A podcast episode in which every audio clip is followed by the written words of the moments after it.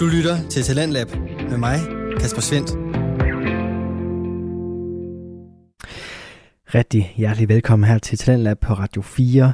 Vi er et program, som øh, normalt sender afsnit fra Danske Fritidspodcast, men hvor vi i aften ser tilbage på en sommer, som er gået, i hvert fald også rent sådan værmæssigt, og øh, samler op på nogle af de temafredage, vi har haft. Øhm, hvis du har hørt med på programmet hen over sommeren, så har du kunne høre mig dykke ned i emner som Danmark, øh, kammeratpodcasts, niche-podcast, det er jeg snak med fremmede, fiktionspodcast, og til sidst så lod jeg ungdommen komme til magten.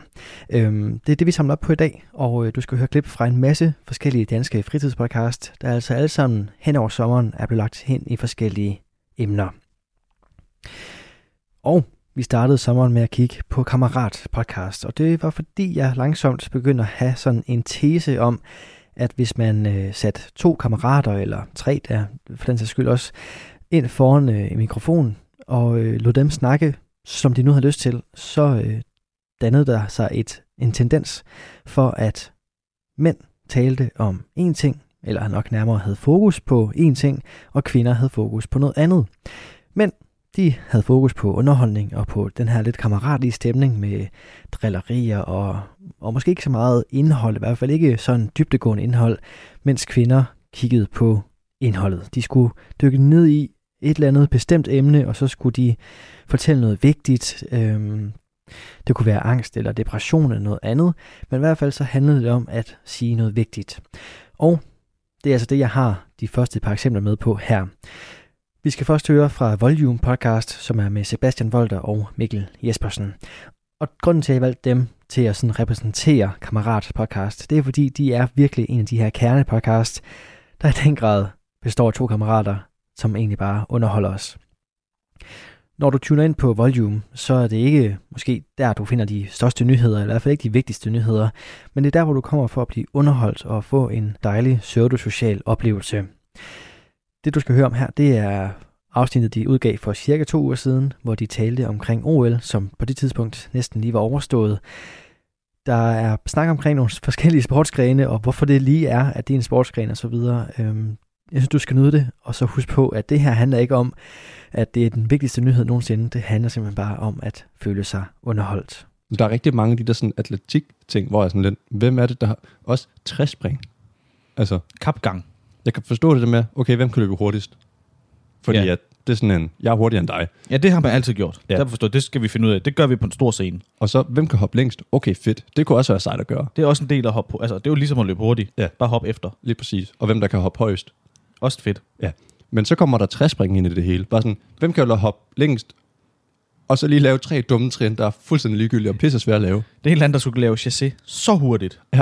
Eller så snublede han sådan lige inden han skulle hoppe ja. sådan lidt. Wow, wow, wow. Det var faktisk meningen, det her. Nu er det jeres tur. Prøv at gøre det samme præcis, som jeg gjorde. Hvad gjorde du? Jeg snublede ikke. Det var, det hedder, jeg lavede tre spring. Inden jeg sprang. Ja. Ja. Så tre spring. Ja. Ja, ja, det kalder vi det nu.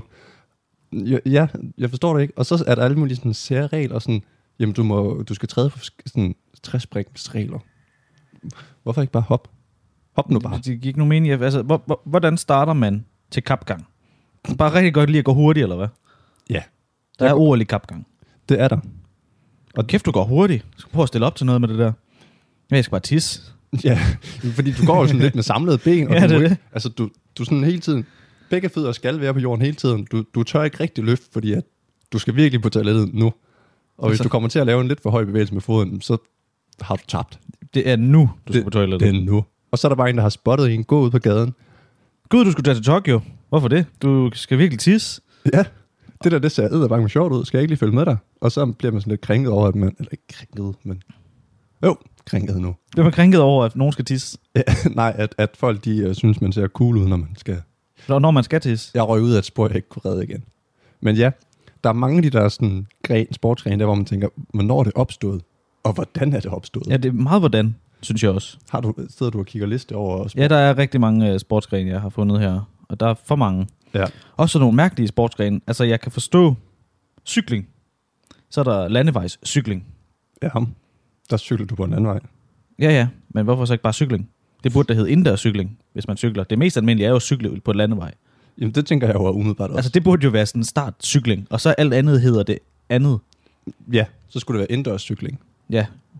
Ikke udendørscykling, for det er landevejscykling. Ja. Men også det der med sådan, hvorfor skal vi cykle rundt i en buet hal indenfor? Så er der kano, kajak, slalom. Kano, kajak, slalom. Ja, fordi det er en fed sportsgren. Prøv at sejle rundt om de pæle her. Men skal jeg sejle i en kano eller en kajak? En kano, kajak, slalom. Det hedder det. Salom. Salom. Nu hedder det slalom også. Ja, ja, men det er perfekt.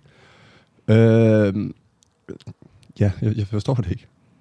Men det fedeste, det er jo, det er jo altså OL i kælkning. Det er kælkning. Det hedder ikke rigtig kælkning, Nej, men det er kælkning. der er edderbange med fart på. Det ser fandme sjovt ud. Jeg skal ikke falde af den kælk. Det nej, det, det skal du ikke. Men ja, man kan virkelig undre sig over, hvor de opstår henne, de der ting.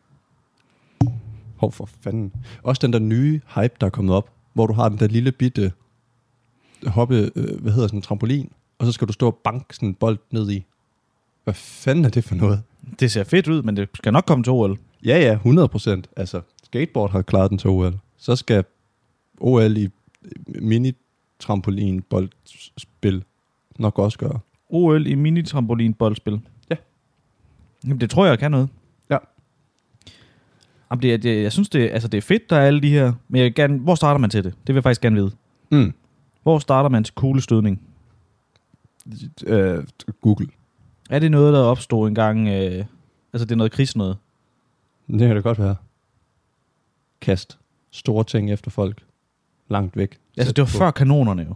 Ja. Altså, det var kanonkuglerne, men før kanoner. ja. Vi har de her... Så var det en eller anden til at stå over i hjørnet. Prøv at se, hvad jeg har. Jeg har også en rør, der kan skyde dig afsted. Nej, for helvede. Nej. Jeg kaster det bare i stedet. Du kan slet ikke kaste så langt. Hvorfor er der ikke... Oh, der burde også være OL i kanonskydning, så. Jamen, det er alt for moderne. Du lytter til Radio 4. Her fik du et klip fra Sebastian Volter og Mikkel Jespersen, som udgør Volume Podcast. Det næste, jeg har som eksempel på Kammerats podcast, som er det første emne, jeg vil tage med her i dag, det er podcasten Smalsnak. Den udgøres af Morten Rode og Victor Storm Madsen, og her der finder du modsat volume lidt mere dybde. Ikke fordi, at volume ikke er vigtig, og man ikke skal høre på, hvad de siger, men der er underholdning altså i højklasse, og så kommer indholdet ligesom i anden række. Hos Smalsnak, der er underholdning selvfølgelig også med fokus på, men det er som om, at Morten og Victor har lidt mere på hjertet, eller i hvert fald så har de lidt mere erfaring, og de har lidt mere information med i deres podcast. Det du skal høre her, det er, når de gennemgår alkoholens historie, eller nok nærmere, hvordan alkoholen har påvirket vores historie. Smart Snak er sådan en podcast, hvor øh, du kan tune ind, både bare for at have det kørende i baggrunden, men også hvis du gerne vil have, at du får lidt mere viden og lidt mere kød på, når du hører din podcast. De udgiver ikke særlig tit, modsat Volume, som næsten udgiver hver uge, men det som Smart Snak så til gengæld kan, det er, når de udgiver et afsnit, så er der altså masser af kød på. Og her der får du et eksempel på, hvornår der er masser af kød på. Omkring årene 320, et par øh, kort før, øh, før, vores tidregning, før vores tidregning, øh, kort før han selv dør, Alexander den Store, der er han jo en, en stor leder, øh, og han har øh, ønsker ligesom at skabe et, en, en bedre, øh, hvad hedder det, et, et bedre venskab mellem makedonerne og perserne i et område, han ligesom har indtaget. Og først så tænker han, at han vil holde olympiske lege der, simpelthen. Det lykkedes så ikke helt. Så går han og, og tænker, Alexander den Store, hvad kan jeg gøre her for ligesom at skabe noget sammenhold? Ja. Og hvad skaber sammenhold mellem mennesker? Det gør alkohol. Og gå til flasken. Og gå til flasken, ja. Han vil ligesom legitimere sig selv som hersker over så han skulle have folk tættere sammen. Så det han tænker er, vi holder skulle lige en drik- drikkonkurrence, en drukke, drukkonkurrence, drikkekonkurrence. Vinderen af den her, og det er en kæmpe, kæmpe stor Det er præmie. olympiske lege, som... Olympiske lege, fuldstændig rigtigt. Vinderen er simpelthen, øh, præmien er en krone af guld på 26 kilo. Ja. Så det, han mener det altså, det her. Det, der sker, er, at øh, han finder, der er sådan lidt uenighed om, hvor mange mennesker, der deltager, men øh, der, nogen siger, omkring 41-42 personer deltager i den her drukkonkurrence. og de drikker og drikker, selvfølgelig en masse vin, de drikker. Drikker og drikker og drikker. Og under, under konkurrencen, så dør 35 af dem med det samme. Fordi de simpelthen drikker så meget. Det, altså, jeg tænker, det, det er nærmest over flere dage, det her. Det er bare at suge og suge og suge. Altså, og Er når der du 35, der dør? 35, ja, Fordi det er jeg, ikke, jeg har nemlig nej, det er ikke gang. slut endnu. Nej, Det er okay. ikke slut endnu. 35 dør under konkurrencen. Vinderen bliver så en øh, Promacus, tror jeg, man udtaler mm-hmm. det. Det er jeg lidt i tvivl om. Øh, der er ifølge kilder, jeg har fundet, og det virker lidt, men det er 15 liter vin, skulle han have drukket. Ja. Er lidt svært at tro det, men hvem ved? Mm. Det, han drikker i hvert fald rigtig meget. Og han bliver simpelthen vinder, som sagt, i den her konkurrence, hvor 35 er døde. I de følgende dage, så dør resten også af alkoholforgiftning. Der er ingen, der overlever den her drukkonkurrence. Er det rigtigt? Ja. Det er i hvert fald det, jeg kan godt se, at der er utrolig mange forskellige spændende... øh, Men det er, det er hos øh, Plutark, ikke? Øh, At man finder det, den historiske det, kilde. det, her- det, er ikke, det kan godt være. Ja. Det kan sagtens være. Fordi det, jeg husker det nemlig som, at, der var, at ham, der vandt, han døde. Og sådan noget, men de, de døde måske alle sammen. Jamen, det er, nogle gange er man lidt i tvivl med det her, fordi at nogen har jo set et eller andet dokument, som nogen har beskrevet, som nogen har beskrevet, som nogen Ja, ja. Og så ender man med det. Ja. Men jeg synes, det er en god historie. Ja, Øhm, det er en rigtig god historie. Og der er jo en grund til, at han blev kaldt Alexander den Store, kan man sige. altså, han må have gjort et eller andet godt. Og der er jo så også nogen, der siger igen det her med, hvordan alkohol ligesom har ændret verdenshistorien. At Alexander den Store øhm, var jo en stor konge, en stor herleder. Øhm, og han døde som 32-årig af, hvad man tænker er en eller anden form for parasitinfektion. Okay. Men han var jo en øh, alkoholiker af hjerte og sjæl, Ja. og derfor er der også nogen, der tænker, at, at når man dør som 32-årig af sådan noget, så er det måske også, fordi ens krop er ufattelig svækket af at være Klart. øh, afsindig Har du nogensinde set den øh, film, den Hollywood-film, der handler om hans liv? Hvad, Nej. nu? jeg tror, det er Colin Firth. Nej, hvad fanden er det nu, han hedder? Nej, jeg kan ikke huske, hvem der spiller, hvem der spiller hovedrollen. Men der slutter det med, at han bunder et kæmpe øh, pokal vin, og så falder han om, og så dør han i, i seng næste dag. Det er sådan, han dør. og det er jo fordi, at, så vidt jeg husker, at fordi at det, det er jo usikkert. Man er ikke sikker på, hvordan øh, han, han dør til sidst. Nej. Og det, som de sådan ligesom indikerer, eller lidt hindrer til i filmen, det er, at det, det er hans egne herleder, der forgifter ham. Ja, det er selvfølgelig også muligt. Øh, altså, fordi at han, han blev ved med at vil ekspandere østpå og trække sine soldater gennem, øh, du ved, Ja. overvis af, af kampagner i, øh, i, i Østen, og de kan ikke holde ud mere, så de forgifter ham, og så deler de jo øh, det græske rige op i, mm. i, øh, i fire. Men det er også en, han var en vild, en fantastisk vild person, og vild, vild livshistorie, Alexander, at han bliver født til, øh, altså han bliver født til at være konge, og så dør hans far, kong Philip, den enårede, og så bliver, han, så bliver han konge af det bedste militær. Så blev det Alexander den Skillerede. Det er meget den, stive person, Alexander, der den, Alexander, Alexander den, øh, den væltende, Ja. øh, stive konge, øh, leder af den bedste her i verden i en alder af 20 år, og hans øh, mor går for at være en gudinde, og øh, hvad hedder det, det bliver så hans øh, skæbne at skulle erobre hele verden, hvilket han så lykkedes med. Man kan kun gisne om, hvad han har været for en type. Men der er det jo netop også, som man siger, at hvis han nu ikke, fordi han virkelig aldrig rigtig udfordret romerne så meget. Og der er der jo nogen, der mener, hvis han nu ikke var død som 32, og hvis, fordi den her drukkonkurrence, det gjorde jo altså, at han ikke rigtig vandt gunsten hos perserne. Ja. Og hvis han nu havde gjort det, hvis det nu drukkonkurrence bare havde været en fed historie, hvor at folk ikke var døde i hovedtal, og hvis han ikke var død som 32, så kunne han måske Så havde han ekspanderet vest Ja, ja, senere. og vi ved, hvor meget historien ligesom har- ganske anderledes. så havde den nemlig sige. været ganske Ja. anderledes. Til Talentlab med mig, Kasper Svendt. Her var det Smal Snak med Morten Rode og Victor Storm Madsen, en dansk fritidspodcast, som består af to kammerater, og netop derfor, der brugte jeg dem som eksempel her, fordi vi i aften gennemgår de temafredage, som jeg har afholdt hen over sommeren, og den første af dem indeholdt altså Kammerats podcast, hvor to til tre venner sad og hyggede og underholdte, og så kom indholdets dybde lidt i anden række. Modsat, så fredagen efter, det er omkring starten af sommeren her, der tog jeg fat i, hvordan det lyder, når kvinder sidder foran mikrofonen. Og som det første eksempel på, hvordan det lyder, der havde jeg fornøjelsen af at præsentere dig for Mellem Os. Det er en samtale-podcast bestående af Mariam Hassanain og Dioku Shakir, og de to havde jeg faktisk fornøjelsen af at lave et interview med her tidligere på ugen. Hvordan det lød, kan du høre lige her, og derefter så får du selvfølgelig også et eksempel på en af deres afsnit. Afsnittet, du skal høre, hedder Kohoder og forårsartikler, og det var det, vi sendte i onsdags, hvis du var så heldig at høre med. Der kan du i hvert fald finde hele det afsnit. Men her der får du altså først min snak med de to værter, og derefter så får du et klip fra podcasten. Vi kaster os ud i det. Mariam Hassanain og Duiko Sakir fra podcasten Mellem os. Mariam, 28 år, og Duiko... Nu sagde jeg det igen forkert. Det gik så godt. Duiko, du er 30. Ja. Ja. Tak fordi I har tid til at være her i dag, og øh, I kommer jo fra podcasten Mellem os, og øh, den skal vi høre lidt mere om, hvorfor I overhovedet har valgt at lave den, hvad den handler om, Og så skal vi også finde ud af, hvad for et afsnit, der er jeres yndlings, og hvordan vi lige definerer det, skal vi nok komme, komme ind på til sidst. Hvis vi skal starte med, hvor ideen til Mellem os startede. Øh, hvem, var, hvem var det af jer to, der ligesom sagde, vi skal lave en podcast? Det var mig. Det var du, Hugo. Ja. Men, ja, men så udvidede vi den ret hurtigt sammen. Øh, det kom faktisk af, at mig og, og, og jeg både havde sådan været lidt i berøring med debat Danmark. Vi har sådan både gået på kritiker, øh, politikens kritikerskole sammen og mellemfolkelig samvirkes øh, meningsdanner mod diskrimination.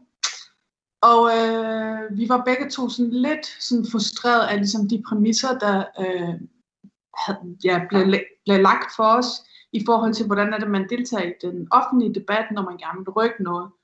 Øhm, og så snakkede vi om, rykker man overhovedet noget, og mange af de samtaler, vi havde sammen, synes jeg var rigtig interessant. Så sagde jeg til hende, og dengang var det ikke så inde igen, at man lavede podcast, men jeg sådan, hvorfor laver vi ikke noget kreativt og, og optager alle de her samtaler på lyd? Øhm, og det her var helt tilbage i 2016-17, at ja. den, de kom med den idé, ikke? Ja, og så, så sagde Mariam så, jamen, at hun synes, det lød som en god idé, men at vi måske skulle prøve at vende præmissen, at emnerne skulle udfolde sig meget mere end, end, end de emner, øh, som vi måtte tale om, hvis vi de, deltog i den offentlige debat. Altså sådan typisk for, for, for debatten er det alt om integration og udlænding og det her med dansk, altså identitetspolitiske emner, ikke? Mm. Øh, ja. Ja, og det kom jo af, at da vi gik på øh, meningsdannere for diskrimination hos mellemfolkelige samvirke, havde, havde jeg lidt crash med underviserne, fordi at der stod jo i princippet bare, at det her kursus, at det var et meningsdanner mod diskrimination, og jeg vil gerne skrive om det at være kvinde, ikke som sådan at have minoritet etnisk baggrund, men bare det at være kvinde og hvad man bliver udsat for. Og det øh, var der ikke rigtig sådan grøn lys for. Øh, og det var sådan lidt der, hvor at jeg tænkte, hmm, det er som om, at jeg, fordi at jeg ser ud, som jeg ser ud, og fordi jeg har det navn, jeg har, så skal jeg tale om noget bestemt. Mm. Øhm, og det vil jeg gerne gøre op med. Og det var derfor, da du ligesom kom med ideen omkring, jamen lad os prøve at lave en podcast, sådan, så vi kan gøre det på vores egne præmisser. Og så var det rigtig vigtigt for mig, at jeg kunne tale om alt muligt andet end kun min etnicitet. Mm. Ja. Og navnet mellem os, hvor kommer det fra? Um, det kommer af, at øhm, vi ligesom valgte, at, øh, at podcasten skulle handle om øh, tabuer og om følelseslivet, øhm, og nogle af de ting, som tit og ofte egentlig bare forbliver mellem os. Og det er egentlig noget, vi ofte siger til hinanden øh, i nogle sætninger, som for eksempel, Nå, men mellem os, og så, og så siger du ikke et eller andet til mig, eller at jeg så bruger den samme vending, Nå, men bare lige mellem os, så vil jeg gerne lige fortælle dig det her og det her. Og så tænkte vi, at det var oplagt, at vi mm. brugte det navn. Øhm, den atmosfære, I får skabt, når det bare er jer to i, øh, i studiet, eller øh, hjemme i stuen, hvad man nu vil kalde det. Øhm, hvordan er det at sidde i som veninder? Altså en ting er selvfølgelig som podcastværter, at det kan være behageligt, men som veninder, når man kender hinanden så godt, som I gør, det at sidde over for en veninde og, og være så ærlig, men måske også at vælge en side af sig selv og, og spille ud foran, øh, foran lytterne og øh, veninden her. Hvordan er det at skulle, skulle sidde med så god en ven øh, inde i studiet? Mm, jeg synes ikke, at jeg, i, i hvert fald for mit vedkommende, har der ikke været en forskel på, hvor ærlig jeg er over for mig om en, altså mit, altså, mm, samtalen med mig har altid været meget ærligt og personligt, fordi hun er en af mine bedste veninder. Så det er egentlig ikke, mere, det er egentlig ikke det, at mig har siddet over for mig, som har været en udfordring. For mig har det været, at mikrofonen har været tændt, og jeg har været meget bevidst om det. At øh, det er noget, jeg sådan virkelig har skulle arbejde på, ikke at lyde for, lyde for kontrolleret. Kontrol, ja, altså fordi, fordi der er et eller andet i ens bevidsthed, at hov, nu, nu er mikrofonen tændt, så nu skal ting lyde lidt bedre, end hvis jeg bare sagde noget til mig om, som, hvor vi har vores egen jargon, der nogle gange ikke giver mening, hvis andre lytter med, men mig kender mig så godt, at hun godt ved, hvad jeg mener, uden at jeg egentlig behøver at færdiggøre en sætning. Nu har vi også været veninder i 10 år. Øhm, så det er egentlig mere bevidstheden omkring øh, mikrofonen, jeg har skulle arbejde med, både i forhold til at, at lyde lidt mere tydeligere, når jeg fortæller nogle ting, Altså ikke at være for indspist eller for interne, og samtidig også at tillade mig ikke at tænke alt for meget på, ly- på lytterne.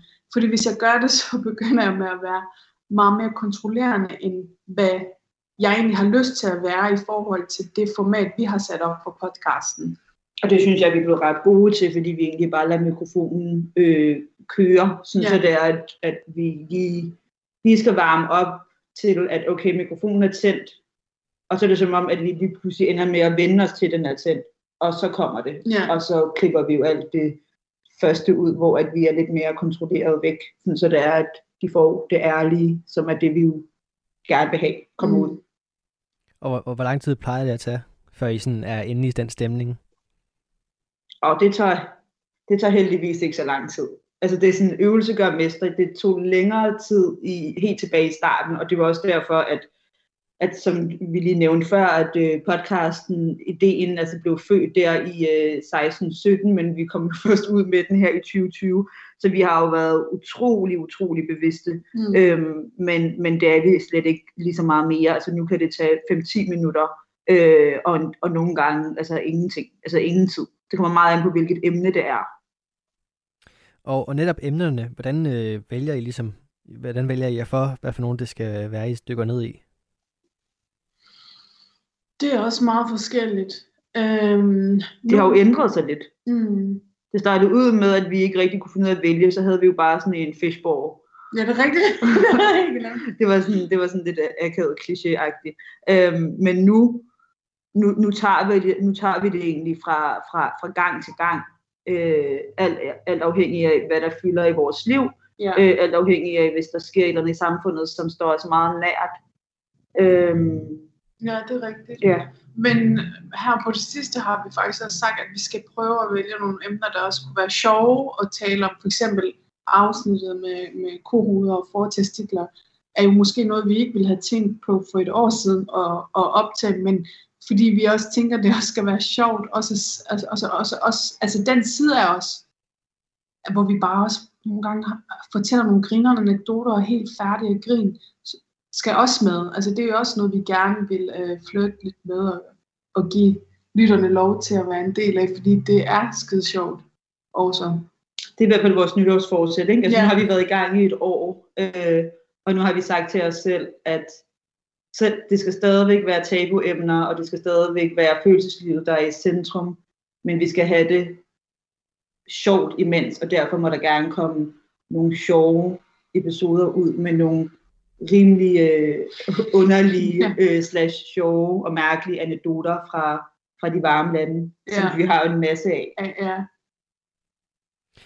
Og hen over sommeren, der har vi sendt nogle forskellige temadage her i, i, i programmet, hvor vi har afspillet nogle klip fra jer blandt andet, øh, under temaerne vigtige kvinder og så Danmark. Og det er jo fordi, jeg har en tese om, at når man sidder som kvinder i, i et studie og har lavet en samtale-podcast, så er der større tilbøjelighed til at tale om nogle vigtige emner, eller i hvert fald nogle mere sårbare emner, der er mindre underholdende end det, som der sker, når mændene sætter sig i studiet. Er det en tendens, I kan genkende, eller er det bare mig, der griber lidt ud i den, i den frie luft?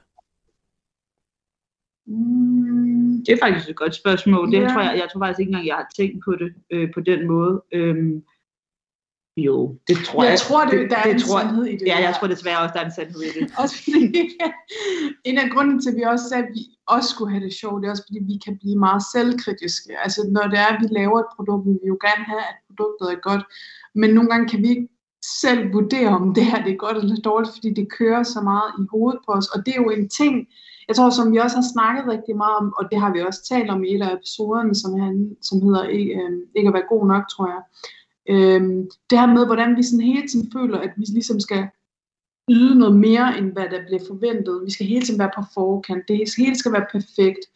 Øhm, og det er, jo, det er jo noget, vi har taget med ind i studiet, når vi har, eller i det rum, vi har været i, når vi har talt om emnerne, fordi vi netop også har en idé om, at vi skal være gode, og vi skal være skarpe. Øhm, hvor, hvor, ja, hvor vi bare har haft nogle ærlige samtaler med hinanden om sådan, men altså, vi er også sjove, synes vi selv. Vi taler også om mange sjove ting. altså, hvorfor må den side ikke komme frem? Det er jo ikke mindre rigtigt, eller mindre, øh, ja, Ja, det er jo ikke, fordi det er mindre interessant, hvis vi taler om ting, der også kan være sjove. Jeg synes faktisk, det er et rigtig interessant spørgsmål, Kasper, fordi at jeg har talt øh, rigtig meget med min kære mand Frederik om, om, om hele den her podcast. Øhm, og lige præcis for, øh, hvad hedder det, kohoveder og fortekstitler øh, fik, han fik, fik han lov til at lytte igennem, inden vi sendte ud. Og der havde han det simpelthen så sjovt over det, hvor han bare var sådan, ej hvor er det befriende, at I to øh, viser en side af jer selv, som er let spiselig, men det er sjovt, og man lærer jer at kende, og man lærer jeres dynamik at kende, som I måske ikke har haft lige så meget fokus på i nogle af de andre afsnit, fordi at der har vi jo haft meget fokus på, at det skal være det sårbare, det følsomme, det tabubelagte. Øhm, og det er også derfor, at det var efter den samtale, vi ligesom kiggede hinanden i øjnene, du og jeg, og var sådan, hvis vi skal være ærlige i den her podcast, så skal de jo have hele os. Og det er jo så både med det, med det sure og det søde. Mm. Og man kan sige, når det skal være underholdende, så har I nogle øh, sjove anekdoter med, men når I snakker øh, mere sårbare emner, så er I jo meget nede i jeres følelser. Øh, hvordan er det at være så personlig, eller kan det blive for personligt i en podcast? Altså kan det blive for nært at sidde og tale om? Mm, jeg synes, det, noget af det sværeste har faktisk været lige præcis det, altså at skulle tale om det personlige.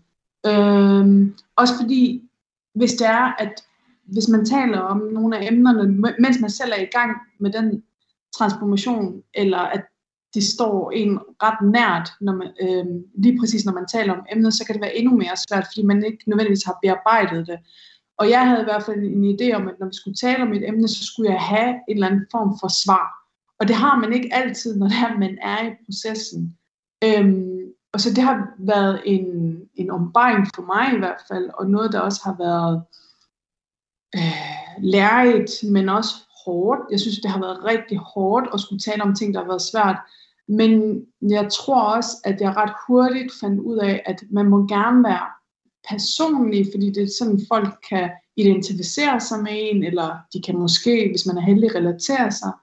Men jeg behøver ikke at være privat. Altså jeg må stadig gerne have noget til mig selv kun, som andre ikke behøver at vide. Øhm, så den balance har måske taget lidt tid at, at finde for mig i hvert fald, men jeg synes sådan, at jo mere man taler om det, jo nemmere bliver det. Altså, når jeg tænker på nogle af de første afsnit, hvis vi skulle lave dem om i dag, så kan det være, at jeg kan tale om det øh, mere sådan barmfrit, altså uden problemer, uden at jeg, jeg tænker, at det, uh, det er så svært det her, at man nærmest bliver bange for emnet. Altså, fordi at jeg allerede har været i gang i et år, har talt det ud, Øhm, ja.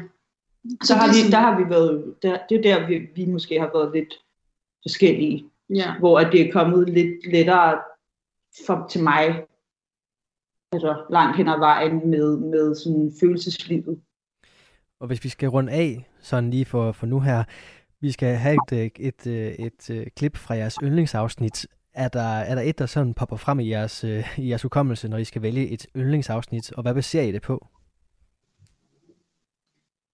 Altså, jeg synes jo, at kohoveder og fortekstiler øh, var det sjoveste afsnit at optage.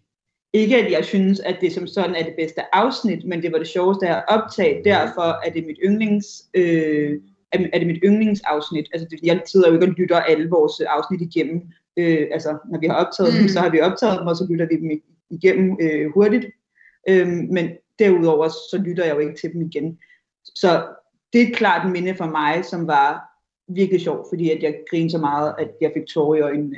Mm. Øhm, og så kan jeg også rigtig godt lide at vokse op på bloggen, øh, fordi der, var, der er også nogle anekdoter, hvor at det både er sådan, altså det er virkelig tragikomisk, nogle af de oplevelser, der, har, der var. Mm. Altså is, ja, især der, hvor at, øh, jeg er vidne til det her, det, det, det, den her øh, halal-slagning. som, som var ret voldsom for mig som barn, men som er, ja, det var bare absurd. Så samtidig med, det var super sjovt. Ja, det er rigtigt. I skal have stor tak for at være med her i dag og for at deltage i programmet. Tak for at I måtte være med. Tusind tak for det. Radio 4 taler med Danmark. Nå, men i forhold til, øhm, apropos øh, kohoved, øh, lever og tekstiler og sådan noget. Det er jo virkelig også en delikatesse. Og det sygeste, jeg har prøvet, det, I Marokko. I, det er i Marokko. Ja. ja, i Marokko. Det er jo, når de bare serverer fire kohoveder på et fad. Og så bliver det bare sådan serveret. Og så er det bare sådan... Jalla, værsgo- spis! Ja. og fordi at man jo i Marokko spiser fra samme fad, så man sidder, det, vi har alle sammen sådan et rundt, eller, eller de fleste mennesker har et rundt bord, og så sidder man hele familien rundt om det. Ja, okay. Og så sidder alle, alle os, der kommer fra, fra Europa, er sådan helt glade, sådan, åh, jeg har ikke fået kohoved i, jeg ved ikke hvor mange år, eller et helt år, fordi jeg ikke har været i Marokko, er sådan sygt glad, og jeg sidder altid tilbage og bare sådan, hvad skal jeg spise? Og man kan se, altså, altså man kan se øhm, øh, tænderne. Ej, nej, nej. Det er det værste. Ej, det er så ulækkert. Og der må jeg, altså man, jeg ved godt, at man ikke må sige ad til mad og noget ulækkert og sådan noget. Det der, det, det er seriøst grænsen. Eller, Ja. og som du også sagde, komave, når de lige pludselig Ja. skal begynde at Det lave det. lugter. Det lugter, fordi det er jo mavesækken, så de skal Ja. rense det sindssygt ja, de meget. renser den og- helt vildt med eddike. Ej, det er... Altså, det kan jeg heller ikke klare. Okay. Plus, at det er varmt, når vi er der. Det er om sommeren. Og lugte om sommeren er bare sådan endnu værre. ja. Og vores kø, eller køkkenet i Marokko, dengang, jeg husker det, var oppe. Altså sådan, så jeg, så, jeg var, så jeg gik altid ud på, tag, øh, på vores tagterrasse. Men det hjalp jo ikke, fordi køkkenet var jo sådan grænset op til tagterrassen. Okay, så du fik bare al lugten. Ej, det var seriøst noget af, af sådan de værste barndomsminder. Heldigvis får vi det ikke så meget, når vi er dernede mere. Det har jeg prøvet en gang i Jordan. Vi blev inviteret, øh, det var med uni, med universitetet, og så blev vi inviteret, vi havde sådan et mentorskab med nogle jordanske elever på Amman Universitet, og så en af dem inviterede os hjem, og det er jo meget, altså araber er meget gæstfri. Altså sådan, nu virkelig, altså Mere end tyrkere. på en anden måde. De er meget mere insisterende, synes jeg. Og især i forhold til mad, ikke? Altså sådan, det er faktisk uhøfligt at sige, jeg er mæt, nej tak. Altså man skal bare spise. Og vores, øhm, hende som var i praktik dernede, og hende som var vores vært, hun havde sagt, I skal virkelig forvente, at de presser på med mad, og ikke spise for meget lige op til. Fordi det er lidt uhøfligt, hvis I kun spiser lidt. Altså prøv at spise så meget, som I kan. Så havde de inviteret os øh, hjem, og i, øh, ligesom, fordi vi var sådan æresgæster, så havde de faktisk offret to, jeg tror det var får, hvis jeg ikke husker forkert. To hele får, Ja, som præcis. de havde halal-slagtet. Ja.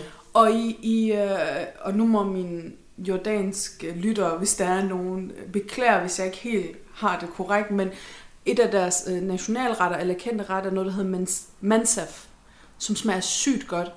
Og det er sådan, det er noget ris, og det her kød, som er mega mørt, som, og så, så stegt, øh, øh, hvad hedder det? Løg? Nej, mandler og løg, alt det der ting. Og så sådan en yoghurt-suppe-agtig, yoghurt-drink, yoghurt varm yoghurt-suppe, som man hælder oven på det. Og det smager virkelig godt, fordi det er sådan, det er både sådan, smagen af sådan fedt, salt, lidt syrligt fra citron, det friske fra yoghurten, altså det smager virkelig godt. Men de kommer ind på et tidspunkt... Men er yoghurten frisk, når den er varm, så den lyder lidt varm? Ej, jeg elsker det også, fordi der er sådan... Altså, jeg tror, jeg Nå. tror på, at det smager godt, men det er fordi, det er jo varmt. Er det så friskt? Nej, men jeg tror, det er det syrlige, altså I den, i det, okay. det, som jeg synes, der smager. Altså det er i hvert fald en god øh, kontrast til fedtet. Okay.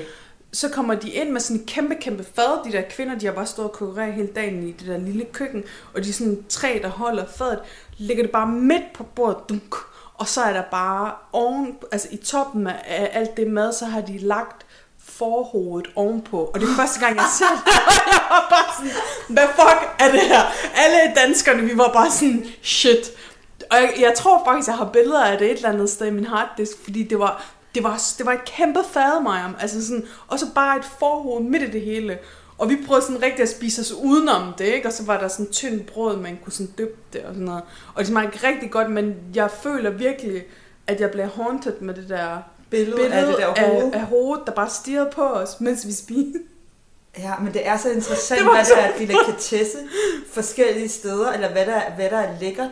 Ja, Altså, jeg tror virkelig også, sådan, fordi at vi er vokset op her i Danmark, og har et meget vestligt sind, altså er vi også altså sådan, Sarte. Ja. Ja, det er vi. virkelig sarte, og al- altså, jeg kan jo nærmest ikke spise, okay, det er måske også lidt ekstremt, men det kan jeg nærmest ikke, altså spise en hel kylling, altså du ved, en hel, eller en hel kylling. Hvorfor det? Fordi der er ben i, altså fordi jeg er bare nødt til at spise. Ej. altså, og du ved, øhm, vi skal jo altid rense den og vaske den med citron og salt og sådan noget. Og jeg kan ikke, altså jeg Du føler, det er den, ja. Jeg føler, det er sådan et lille, et lille det. væsen, jeg, jeg, kan slet, jeg kan slet ikke, så for mig skal det ikke ligne et dyr. Mm. Du lytter til Radio 4. Og du er altså skruet ind på programmet her på Radio 4, som øh, præsenterer og udvikler danske fritidspodcast. I aften der kigger vi tilbage på sommeren, der er gået, og de temafredage, vi har holdt. Øhm, de første to temaer, vi har haft gang i, det var, hvordan mænd lyder, når de sidder foran mikrofonen i de her kammerat-podcast, hvor underholdningen er i forreste række, og så må indholdet følge med i plads nummer to. Det vi er i gang med nu her, det er at kigge på, hvordan det lyder, når kvinder sidder foran mikrofonen. Og som et, et eksempel på det, der hørte du først her min snak med Mariam Hassanain og Joko Sakir.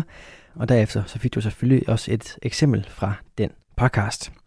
Afsnittet du fik hørt her, det var kohoder og forsartikler, som er i den mere underholdende ende, end hvad du, du ellers kan finde fra mellem os. Det andet eksempel, jeg har på, når kvinder sidder foran mikrofonen, det er med Sara Rand og Lisa van der Mart. De har podcasten Sjælestund, og fra deres første sæson, der skal du høre en episode omkring det at være selvstændig. For Sara, hun er selvstændig. Hun har altså droppet det her ræs med uddannelse og, og det med at finde et arbejde for andre. Derimod er hun gået selv, og præcis det her med at stå så ung i en oplevelse af at være jamen, selvstændig, det skal du høre om lige her. det har været svært, det der med at skulle sige farvel til nogle mennesker. Mm. Men, men jeg er faktisk vildt glad for det. Fordi Ja. ja. i sidste ende, så er, det, så er det egentlig det, der betyder noget for mig. De her øh, få mennesker, og, og min virksomhed, og min familie, mm. og min kæreste selvfølgelig. Så ja, Jeg tænker lidt, har man noget, der minder om en normal arbejdsuge? Holder du weekend? øhm, det gør jeg ikke. Ikke det meste af Jeg tiden. kan ikke rigtig huske, når jeg jeg har holdt en weekend. Men det er også fordi, at jeg synes, at jeg arbejder bedst i weekenderne faktisk. Og det er super underligt, men det er fordi, det er der, at menneskerne de har tid til at, til at se øh, nye varer eller et eller andet. Men Mm. mm. så er det jo også der, at man virkelig skal... Mm. Det Mm. er der, man når ud til folk. Fordi de er fri der. Øh, Hver eneste dag er totalt forskellig. Jeg har Mm. virkelig ikke nogen dage, der er ens. Nej. Og det er jo også det, jeg synes, der er fedt. Men samtidig så kan man også være sådan, Nå, jeg ved, hvad der skal ske i dag. Mm. Altså, Mm. det er meget... Man lever meget i uvidsheden, og man lever meget i det der... Mm. Øh, nå, altså man skal virkelig være omstillingsparat. Ja. Sådan, hvis der kommer en mail, så er det nu. Og hey, kan du lige det her nu? Mm. Så skal du bare være klar. Ja, det er også lidt det, jeg tænker. Altså sådan, kan du godt tillade dig, og du vågner op en dag, og du har, du har en lortdag. Kan du godt tillade dig at trække stikket den dag? Kommer måske også lidt an på, hvilken dag det er, og hvilke planer der er. Men altså sådan, Det kan jeg godt finde på, Mm. men det er virkelig sjældent, jeg gør det. Fordi at, at så ved jeg, okay, i morgen der er der bare mere at lave. ja, ja, mm, det håber så bare op. Så. Lige præcis. Derfor så... Men også bare fordi, jeg, jeg elsker det så meget. Hver gang Mm. jeg står op, så tænker jeg bare, yes, nu skal, nu skal jeg op og lave på det. Jeg glæder mig seriøst, når jeg går i seng. Så Mm. jeg glæder mig til, okay, i morgen skal jeg styre på det og det og det, Mm. og jeg skal snakke med hende og hende og hende, eller ham og ham og ham. Og Mm. Det er så spændende. Men ja, der er nogle gange, hvor det er sådan, jeg kan mærke, okay, hvis jeg ikke snart holder en pause, så knækker jeg. Mm. Hvor jeg virkelig prøver at være sådan, okay, nu, nu skal du altså tage dig selv seriøs. Mm. Også fordi, at du skal også kunne holde på længere sigt jo. Mm. Det synes jeg, det har været svært at sætte sig selv i første række der, fordi at man så gerne vil det andet. Mm. Så det har jeg haft svært ved. Men samtidig så prøver jeg så vidt som muligt at gøre det. Men, Men det er vel også den måde, man, man vokser. det er også det, jeg blev, altså, det eneste, jeg tænker på, det er bare, at jeg skal fremad. Jeg skal, jeg skal bare nå det her, og det her det er mit mål. Og så sætter Mm. jeg nogle gange også lidt for høje krav til mig selv, og Mm. lidt for mange mål, så jeg simpelthen ikke kan nå det på en dag. Ja. Så bliver jeg skuffet over mig selv. Men det er sjældent, at jeg ikke når det. Mm. Men det er også sjældent, at hvis jeg har de dage, hvor det er sådan, jeg sætter alt for mange mål, og jeg når det, at jeg så får det godt bagefter, når jeg skal til at sove, og, eller at mit hjerte ikke stopper med at banke, eller Mm. altså vildt hurtigt. Jeg håber ikke, det stopper med at banke, så er jeg nok død. Men, men sådan, altså, at jeg får kæmpe hjertebanken og får svært ved at sove, fordi at, at min adrenalin er så høj. Mm.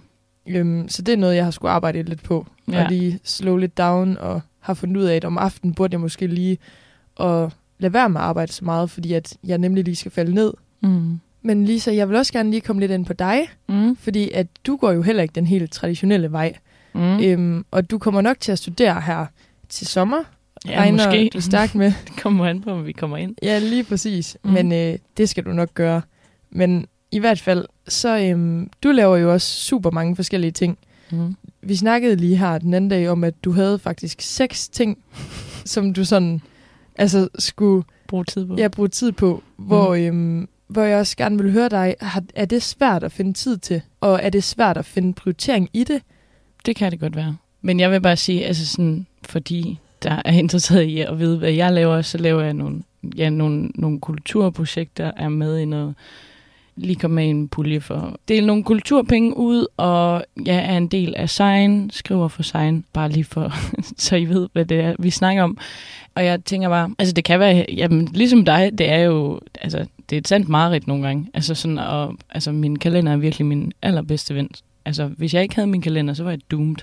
Men det er bare et spørgsmål om at, at gøre det, altså sådan også bare helt lavpraktisk, at gøre nogle ting, og man sætter nogle faste tidspunkter af nogle gange, at man, okay, vi har møde her, sådan og sådan her, så er der møde hver mandag, og her der, så er der møde hver anden onsdag, og så må man, nu er jeg jo så heldig at have et arbejde, som, hvor jeg er vikar, så jeg kan tage, hvornår jeg kan, men det er virkelig, jeg tror, der skal ligge noget i en, som er klar på at lave noget, og også på tidspunkter, hvor man ikke har lyst til at gøre det. Altså sådan, man skal også bide meget i det surøble. Jeg ved bare med mig selv, at det altid betaler sig i sidste ende. Og hvis ikke det gør, så kan man godt mærke det undervejs. Altså sådan, hvis det dræner en mere, end det, det giver en også, så skal man lade være med at gøre det. Men jeg tror bare, jeg synes, det er sygt sejt at, at udrette noget og gøre noget. Så ja, altså jeg er jo ikke, øh, jeg er ikke selvstændig på den måde. Jeg må måske mere øh, fællesskabelig, eller hvad siger man? Altså sådan, at, at man skaber noget også, men i fællesskab. Du lytter til Talentlab med mig, Kasper Svendt. Her fik du et eksempel på, hvordan Sjælestund kan lyde. Det er en podcast bestående af Sara Rand og Lisa van der Mart. To gode veninder, som snart er på vej med deres sæson nummer to. Det sidste emne, vi lige skal have vendt her i denne time, hvor vi kigger på sommerens temafredage, det er nummer tre, og her der dykker jeg ned i Danmark. Og nærmere bestemt podcast, der forholdte sig til Danmark på en bestemt måde. Blandt andet så skal vi høre fra kandidaten og lærlingen. Det er en podcast, der handler om lokal politik. Den er med værterne Jonas Henriksen og Gunvar Jensen, og i deres podcast, der er der primært fokus på det lokalsamfund, der er omkring Kalundborg Kommune. Men ud fra det, der springer der en masse fede og spændende snakke omkring, hvordan man som privatperson, politiker eller måske endda som øh, forretningsmand forholder sig til det at være lokal politisk. Det du skal høre om her, det er et øh, tiltag, som går på tværs af mange forskellige kommuner, for du skal nemlig høre, hvordan det her med cykling for alle aldre, det er for noget. For du skal nemlig høre, hvad det her med cykling for alle aldre er for noget. Gunvor Jensen og Jonas Henriksen, de har en gæst med i studiet, som forklarer lidt omkring, hvad fænomenet er, og præcis hvad det er, det kan du høre lige her. Arne, velkommen til. Hvem tak. er Arne Jensen? Tak skal I have. Ja, hvem er Arne Jensen? Ja, Arne Jensen, han er, han er en privilegeret pensionist på 67 år. Uh, han gik på efterløn, da han var 62,5. Og da han gik på efterløn, så lovede han sig selv, at han ville involvere sig i et eller andet frivilligt arbejde. Og det blev heldigvis cykling uden alder. Okay. Og, og har du været med helt fra starten af? Uh, jeg har ikke været med helt fra starten af. Uh, starten var for godt fem år siden, hvor der var en 3-4-5 øh, personer, som tog initiativ til at etablere en afdeling her i Kalundborg. Der blev stiftet en forening, og så blev der indkaldt til et øh, orienterende møde, øh, efter man havde fået etableret foreningen. Og til det orienterende møde, der var, der var jeg med. Så jeg har været med næsten fra starten. Men lad os lige få forklaret dem, der lytter med, hvad cykling uden alder er for noget. Ja, fordi det er jo ikke kun det, jeg sad og røvle om. Det er jo noget helt andet. det er lidt andet også, ja. Jamen, øh, formålet med cykling uden alder, det er at give vores øh, beboere på vores kommunale plejecentre øh, vind i håret. Det er cykling uden alders slogan. Lad os give folk vind i håret. Så det vi tilbyder, det er, at vi kører med vores ældre medborgere på plejecentrene i øh, en rickshaw, øh, og så bliver der lavet aftale med plejecentrets personale om øh, tid og øh, hvem der skal ud og køre, og så møder der øh, en frivillig op med den her rickshaw, og så kører vi en tur typisk på en times tid, sådan en 8, 10, 12 kilometer. Øh, og så bestemmer øh, beboeren der på plejecenteret selv, hvor vi skal hen. Og det er jo som regel en tur ned langs øh, kysten, øh, hen langs havnen, en tur op igennem Kortelgade, og øh, nogle gange, hvor, hvis de har arbejdet et sted, så skal vi lige forbi der. Så det er formålet. Tur ud i vores dejlige natur. Du sagde det op igennem Kortelgade der. Er, er det kun noget, der foregår i Kalmborg, eller, eller hvordan? Nej, det er det heldigvis ikke. Øh, stort set alle øh, kommuner i Danmark øh, har en afdeling af cykling alder. Øh, og det er faktisk ikke bare i Danmark, det har bredt sig til øh, mange steder i verden. Altså det sidste sted, jeg har set, det er i Australien, hvor man har cykling uden alder. Så øh, det har bredt sig i løbet af de her, ja, fra initiativet blev taget af en, en fyr, der hed Ole Kassov, inde i København for, jeg ved ikke, 6-8 år siden. Så har det bredt sig til hele verden. Hold op. Så det er et, øh, det er et øh, levedygtigt initiativ. Og I er også øh, over hele, hele vores kommune? Ja. Vi er alle steder. Øh, I alle, øh, altså vi er i Gørlev, vi er i Høng, vi er i Brejninge, vi er her i Kalundborg, vi er i Raklev, vi er i Tømmerup, vi er på Sejrø, vi er på Reersø. Så øh, jo, vi er repræsenteret. Vi har, hvad er det vi har? 16 cykler stående øh, rundt omkring på plejecentrene. Så vi er dækket godt ind. Ja. Og, og det her med, med cykling og landvejscykling og mountainbike og sådan ting, altså, det er jo også blevet, det er jo blevet enormt populært de sidste mm. 10 år. Mm. Og det er vel også, hvad kan man sige, det er vel også en af grundene til, at, at det også kan lade sig gøre, det er, at folk også er interesseret i at komme ud og, både fordi det er et, rigtig godt projekt, men også fordi folk er også blevet meget interesseret i at cykle. Jamen det tror jeg er rigtigt. Altså der er vel en skærpet opmærksomhed både øh, som privatperson og, og, og dyrke cykling som motion. Øh, og det smitter der sikkert på af på, at der er nogen, som, som mig, når de så går på pension efterløn, der siger, jamen det er da en god måde at, at kombinere og yde noget, og så samtidig så får man selv lidt, lidt vind i håret og lidt motion. Så ja, det tror jeg, du har ret i. Radio 4 taler med Danmark. Og det var denne times anden sidste eksempel på en podcast, som vi har sat fokus på hen over sommeren. Det var kandidaten og lærlingen med Jonas Henriksen og Gunvar Jensen, og de hørte til emnet Danmark, hvor vi kiggede på podcast, der forholder sig til det danske samfund på en eller anden måde. Det vi også kiggede på, det var, hvordan en podcast også kan kigge på naturen i Danmark. Og præcis det gør Sten Eriksen og Kim Pedersen i deres podcast Spejderliv. Det du skal høre fra her, det er, mens de er ude at sejle sammen. Og hvordan det lige er at være på vandet sammen med de to, kan du høre lige her. Altså, jeg må indrømme, at jeg har sådan, øh, sådan en, øh, en, en hemmelig længsel mod faktisk at prøve at sejle, for jeg har aldrig nogensinde været i en sejlbåd. Jeg har også været på Arsø Center på sommerlejr, men der var vi ude og bygge en tømmerflåde. Og øh, det er jo en lidt en anden oplevelse, fordi der er man ligesom afhængig af sit eget håndværk, når den begynder at gå... Har, har du aldrig nogensinde været i en sejlbåd? Jeg har aldrig sejlet i en sejlbåd. Nej. Det har vi mulighed for at gøre noget ved, ikke også? Ja, jamen, du, uh, invitationen er givet herfra med det samme. det, det kan godt være, fordi jeg har sådan en hemmelig længsel mod at prøve det. Jeg har sådan en, en, en eller anden idé om, at det er sådan, sådan en romantisk idé om, hvordan det er. Er det en længsel krydret med frygt? Øh, altså, der er jo nok en grund til, at jeg, jeg aldrig har været i en rigtig sejlbåd, men øh, det er sådan en, øh, en, øh, lidt modsætningsfyldt øh, oplevelse. Men, ja, men, øh, der, der skal du hele tiden tænke på, at det er jo kun en tåbe, der, der frygter havet og vandet. og det er jo det, vi, det er også derfor, at øh, vi sætter sikkerheden enormt meget højt hos os, sådan så vi kan sige til børnene og til deres forældre, jamen altså, det værste, der sker, det er, at du bliver våd. Og hvis du er en optimistjolle, hvor der er en bum, så kan du få godt godt nok få den i hovedet. Men uh, det er kun de færreste, der er uheldige at få den i hovedet. Men altså, er du ude i for eksempel en mækkenjold, der er ikke nogen bum, du kan få i hovedet. Altså, du bliver kun våd. Det er det værste. Det er det værste. Det lyder ikke så slemt, vil jeg sige. Altså, du har, du har en unik mulighed, Kim, for at udvikle noget personlig udvikling her på, på bånd, simpelthen. jeg kan godt lide en drejning, det er en har taget allerede nu.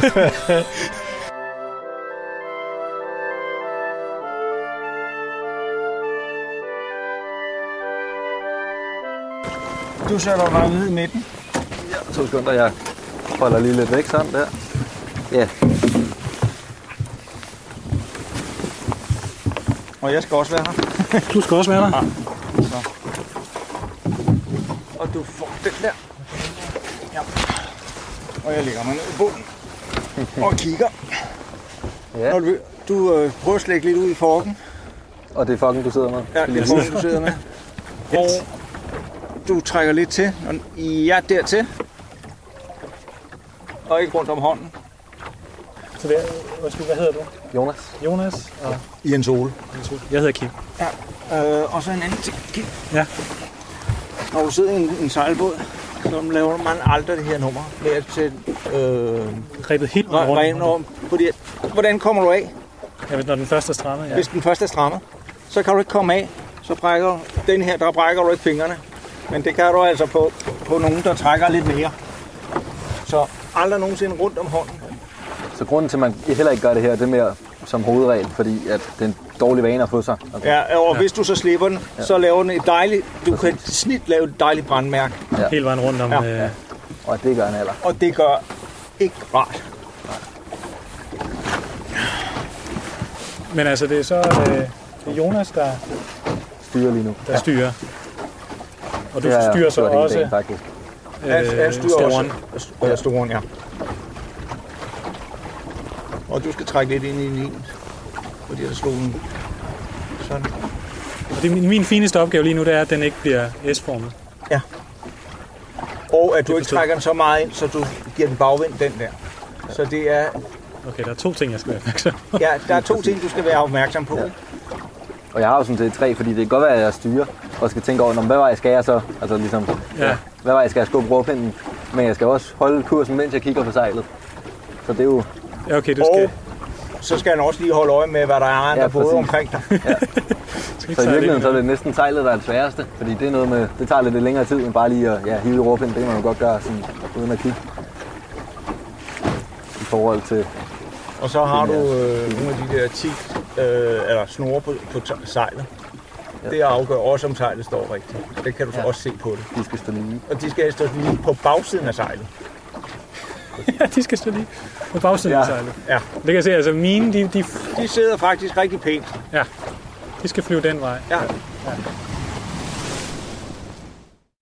Nu øh, Mikingjollen, den hedder Mikin, og jeg ved, at det er, det er en henvisning til noget vikinge Ja, båd.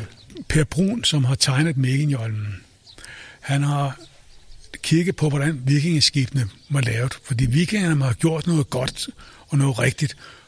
De kunne sejle til England, de kunne sejle over Nordsøen i de her sådan, langkølede både. Hvordan det kunne lade sig gøre. Og hvad er det, der gør, at de får den her fart? Og øh, der, der fandt han ud af, at øh, ved siden af kølen, når man kigger ned under båden, der er en, en hulning, som på vikingeskibene hedder en Meginhufer. Og den Meginhufer findes faktisk i skeletterne på mange af de store valer. Der er simpelthen sådan en, en ligesom... En, Ja, og den, og den hulning, den gør, at øh, når en skib eller en val går fremad, sejler fremad, så kommer der luftbobler, en cirkulation omkring den her hulning, der er med til at give opdrift og fremdrift. Hvis det er sådan, at du sejler i Meginjold, og du sidder nede i bunden, så man, man sidder altid nede i bunden af i Meginjold øh, og sejler, så øh, vil du opleve, at øh, hvis den sejler rigtig godt, og der er knap frem, så kilder det i måsen. Og det er som, den kører, sidrer sidder lidt, og kigger man så ud bagved, der kan man se ligesom en tovenden, der følger efter båden. Det er vivlen, der simpelthen sejler ud der. Det, øh, den opdagelse havde Per Brun gjort, og så har han overført den til Megenjollen. Og det er for, at navnet kommer, den i Meginhuferen, en Meginjolle. Så det er simpelthen en kombination af et, en gammel... vikingeskibs oplevelse af, hvordan vikingerne sejlede den, der er ført over til moderne, som vi udnytter for at få en hurtig jolle. Og normalt så siger man faktisk, at en øh, sejlbåd, hvor stærkt kan den sejle? Og det er jo noget med, hvor meget vandlinje er der. Og sådan en gylden regel siger, at antal meter en båd er lang, kan den sejle i knop. Du lytter til Radio 4. Det var det sidste, jeg havde til dig i denne time. Du fik her et eksempel på en podcast, som forholder sig til den danske natur, og som hører under emnet Danmark. Det sætter vi fokus på i den tredje time fredag, vi sendte hen over sommeren. Det var Spejderliv med Sten Eriksen og Kim Pedersen, og derfra der kan du altså finde mange flere eksempler på podcast-afsnit, som både forholder sig til den danske natur og den danske spejderorganisation, men som også fortæller historien om, hvordan spejderne overhovedet kom ind til det danske land. I næste time, der springer vi ind i fire yderligere emner, men nu der er det blevet tid til nyhederne her på Radio 4, så på gennyt efter dem, her der får du dagens sidste nyhedsoverblik.